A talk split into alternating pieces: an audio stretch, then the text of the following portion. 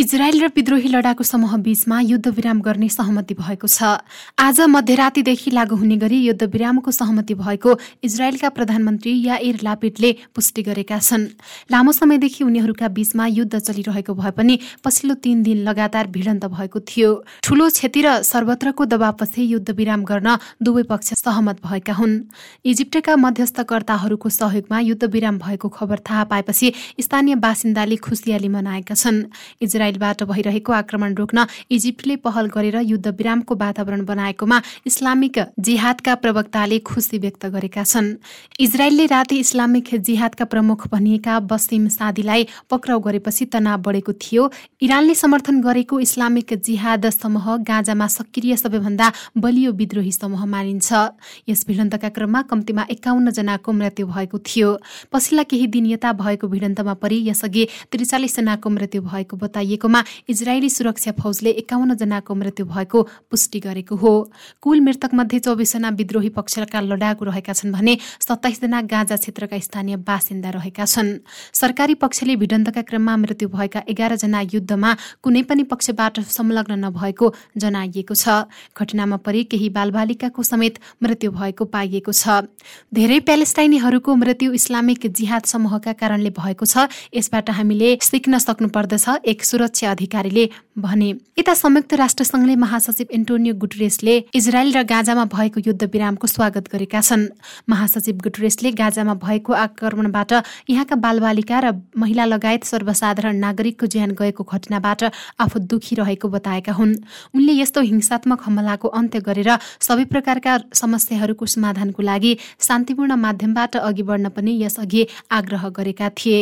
संयुक्त राष्ट्रसङ्घका महासचिव गुटरेसका प्रवक्ता स्टेफान डुजारिकले महासचिव गुट्रेसले हाल इजरायल र गाँजाका तर्फबाट भएको युद्ध विरामको स्वागत गर्दै आगामी दिनमा दुवै पक्षलाई शान्तिको माध्यमबाट अघि बढ्ने काममा सहयोग गर्ने बताएका जानकारी दिए।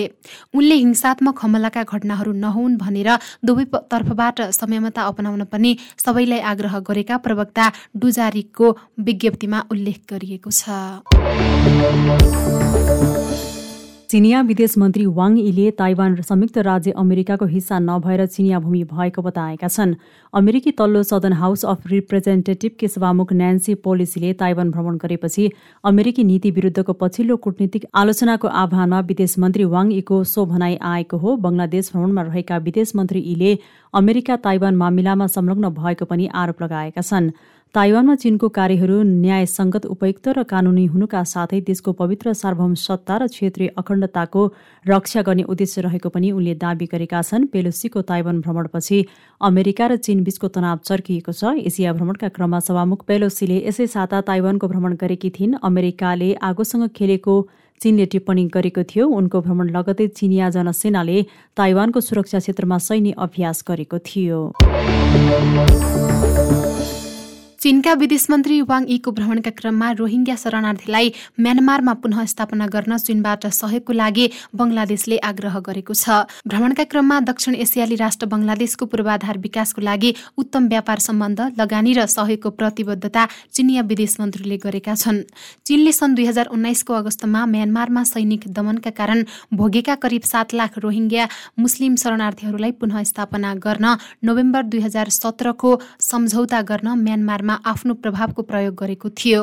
तिनीहरूलाई फिर्ता पठाउने प्रयास गरे तापनि शरणार्थीहरूले म्यानमारमा आफ्नो असुरक्षा हुन सक्ने भन्दै सम्झौता कार्यान्वयन गर्दा आफूहरूको सुरक्षाको ग्यारेन्टीका लागि अन्तर्राष्ट्रिय समुदायसँग माग गर्दै आएको छ। सम्झौता कार्यान्वयनमा म्यानमारको प्रशासन इमान्दार नभएको बताउँदै आएका रोहिङ्ग्याहरू गत वर्ष निर्वाचित सरकारलाई अपदस्थ गरी सैन्य सरकार गठन भएपछि थप सशङ्कित बनेका छन्। चिनिया विदेश मन्त्री वाङ यी शनिबार साँझ ढाका पुगेका थिए। ढाकामा रहँदा उनले प्रधानमन्त्री शेख हसिना र विदेश मन्त्री एके अब्दुल मोमेन लगायतका उच्च पदस्थ अधिकारीहरूसँग भेट गरेका थिए। स्वदेश प्रस्थान गर्नु अघि भएको संयुक्त पत्रकार सम्मेलनमा एको भ्रमणमा द्विपक्षीय र विश्वव्यापी विषयमा छलफल भएको बङ्गलादेशका परराष्ट्र मन्त्री शाहरयर आलमले बताएका छन्।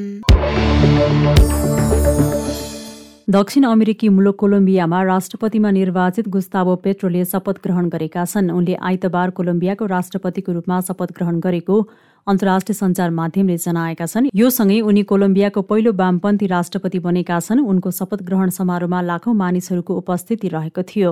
कोलम्बियाको संविधान र कानूनलाई इमान्दारीपूर्वक लागू गर्न म भगवानसँग कसम खान्छु र जनतासँग प्रतिज्ञा गर्छु। बैसठी वर्षीय पेट्रोले शपथ ग्रहणका क्रममा भनेका छन्। उनले दशकौंदेखि लागू औषध विरुद्धको प्रयासलाई लक्षित गर्दै लागू औषध विरुद्धको युद्ध असफल भएको विषयलाई मान्यता दिने नयाँ अन्तर्राष्ट्रिय महासन्धिको आवश्यकता रहेको पनि टिप्पणी गरेका छन्। विनाशबाट पीडित कोलम्बियाको अमेजन नदी क्षेत्रका बासिन्दालाई मद्दत गर्न अन्तर्राष्ट्रिय कोष स्थापना गर्न पनि उनले आह्वान गरेका छन्। पेट्रोलले आफ्नो चार वर्षको कार्यकालमा धनीहरूमाथि कर बढाउने स्वास्थ्य सेवा र शिक्षामा लगानी गर्ने र गत वर्ष अन्तर्राष्ट्रिय रूपमा आलोचित केही नीतिहरू परिवर्तन गर्ने बाचा गरेका छन्। भेनेजुयाली राष्ट्रपति निकोलास मदुरोले पेट्रोलाई भिडियो मार्फत बधाई दिँदै भनेका छन् म कोलम्बियाका जनतालाई र राष्ट्रपति गुस्ताबो पेट्रोलाई मानिसहरू बीचको सम्मान र प्रेमको आधारमा भाइचाराको पुनर्निर्माण गर्न मेरो हात बढाउनेछु। पछिल्लो चौबिस घण्टामा भारतमा थप सोह्र हजार जना भन्दा धेरैमा कोरोना संक्रमण पुष्टि भएको छ। सरकारी अधिकारीहरूले आज दिएको जानकारी अनुसार पछिल्लो एक दिनमा सोह्र हजार एक सय सतसठी नयाँ संक्रमित फेला परेका हुन्।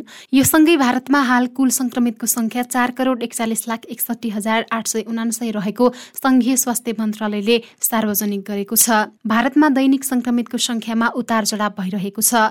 भारतमा अहिले संक्रमित अवस्थामै रहेकाहरूको संख्या एक लाख छत्तिस हजार पाँच सय दस रहेको छ। यहाँ कोरोना संक्रमणबाट बितेको चौबिस घण्टामा एकचालिसजनाको मृत्यु भएको छ। यो सँगै कोरोना सुरु भएबाट हालसम्म पाँच लाख छब्बिस हजार सात सय तीस व्यक्तिको मृत्यु भइसकेको छ।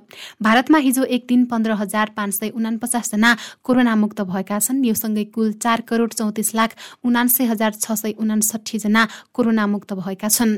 एउटै अवधिमा नयाँ संक्रमितको संख्याभन्दा संक्रमण मुक्त भएकाको संख्या धेरै रहेकाले सक्रिय संक्रमित घटेका छन्। भारतमा सन् दुई हजार एक्काइसको जनवरी सोह्रबाट कोरोना भाइरस विरुद्ध खोप अभियान सुरु भएको थियो। सो समयबाट हालसम्म दुई अर्ब छ करोड छप्पन्न लाख चौपन्न हजार सात सय एकचालिस मात्रा खोप लगाइएको छ। भारतमा कोरोना सुरु भएबाट हालसम्म सतासी करोड अस्सी लाखभन्दा बढी व्यक्तिको कोरोना भाइरस परीक्षण भएको जनाइएको छ। पश्चिमी अफ्रिकी मुलुक मालीमा भएको आतंककारी हमलामा परि चारजनाको सैनिकको ज्यान गएको छ। त्यहाँका चारजना सैनिक मारिएको मालीको सेनाले प्रकाशन गरेको विज्ञप्तिमा जनाएको हो साथै सो हमलामा परेर अरू दुईजना सर्वसाधारण पनि मारिएका छन्। सैनिकहरूको गस्तीमा मालीमा रहेको आतंककारी समूहले बम हमला गरेको थियो। सो हमलापछि गस्तीमा रहेको मालीको सेनाले पनि प्रत्याक्रमण गरेको थियो। मालीको सेनाको कारवाहीमा पाँचजना आतंककारी लडाकु पनि मारिएका छन्। मालीको सैनिकले प्रकाशन गरेको विज्ञप्तिमा सो समूहले मालिकको सैनिक गस्तीमा हमला गरेको र त्यसपछि मालिकको सैनिकले पनि जवाफी फायर गरेको तथा त्यसमा परि आतंककारी समूहका पाँचजना सदस्य मारिएको दावी गरेको छ। दक्षिण कोरियामा कोरोना भाइरसबाट दैनिक संक्रमितको संख्या फेरि घटेको पाइएको छ। स्वास्थ्य अधिकारीहरूले आज दिएको जानकारी अनुसार पछिल्लो एक दिनमा पचपन्न हजार दुई सय बयानब्बे जना संक्रमित भएका छन्। यो सँगै देशैभरि अहिलेसम्म कुल संक्रमितको संख्या दुई करोड चौपन्न लाख चार हजार चार सय बिस पुगेको छ। यसअघि केही दिनदेखि दैनिक एक लाखभन्दा बढी संक्रमित हुने गरेका थिए। अघिल्लो हप्ता औसतमा एक लाख तीन हजार चार सय एघार जना संक्रमित भएको स्वास्थ्य मन्त्रालयले जनाएको छ। अहिले संक्रमित अवस्थामै रहेका मध्ये तीन सय चौबिसजनाको अवस्था गम्भीर रहेको पाइएको छ। यो संख्या अघिल्लो दिनको भन्दा सत्ताइस बढी हो। पछिल्लो एक दिनमा दक्षिण कोरियामा कोरोनाका कारण उनातिस जनाको मृत्यु भएको छ। यो सँगै अहिलेसम्म दक्षिण कोरियामा कोरोनाका कारण मृत्यु भएकाहरूको संख्या पच्चिस हजार दुई सय बयानब्बे पुगेको छ। र चीनमा जारी आर्थिक दुरावस्थाका कारण एसियाका सबैभन्दा धनी महिलाले पछिल्लो एक वर्षमा आफ्नो आधा सम्पत्ति गुमाएकी छिन्।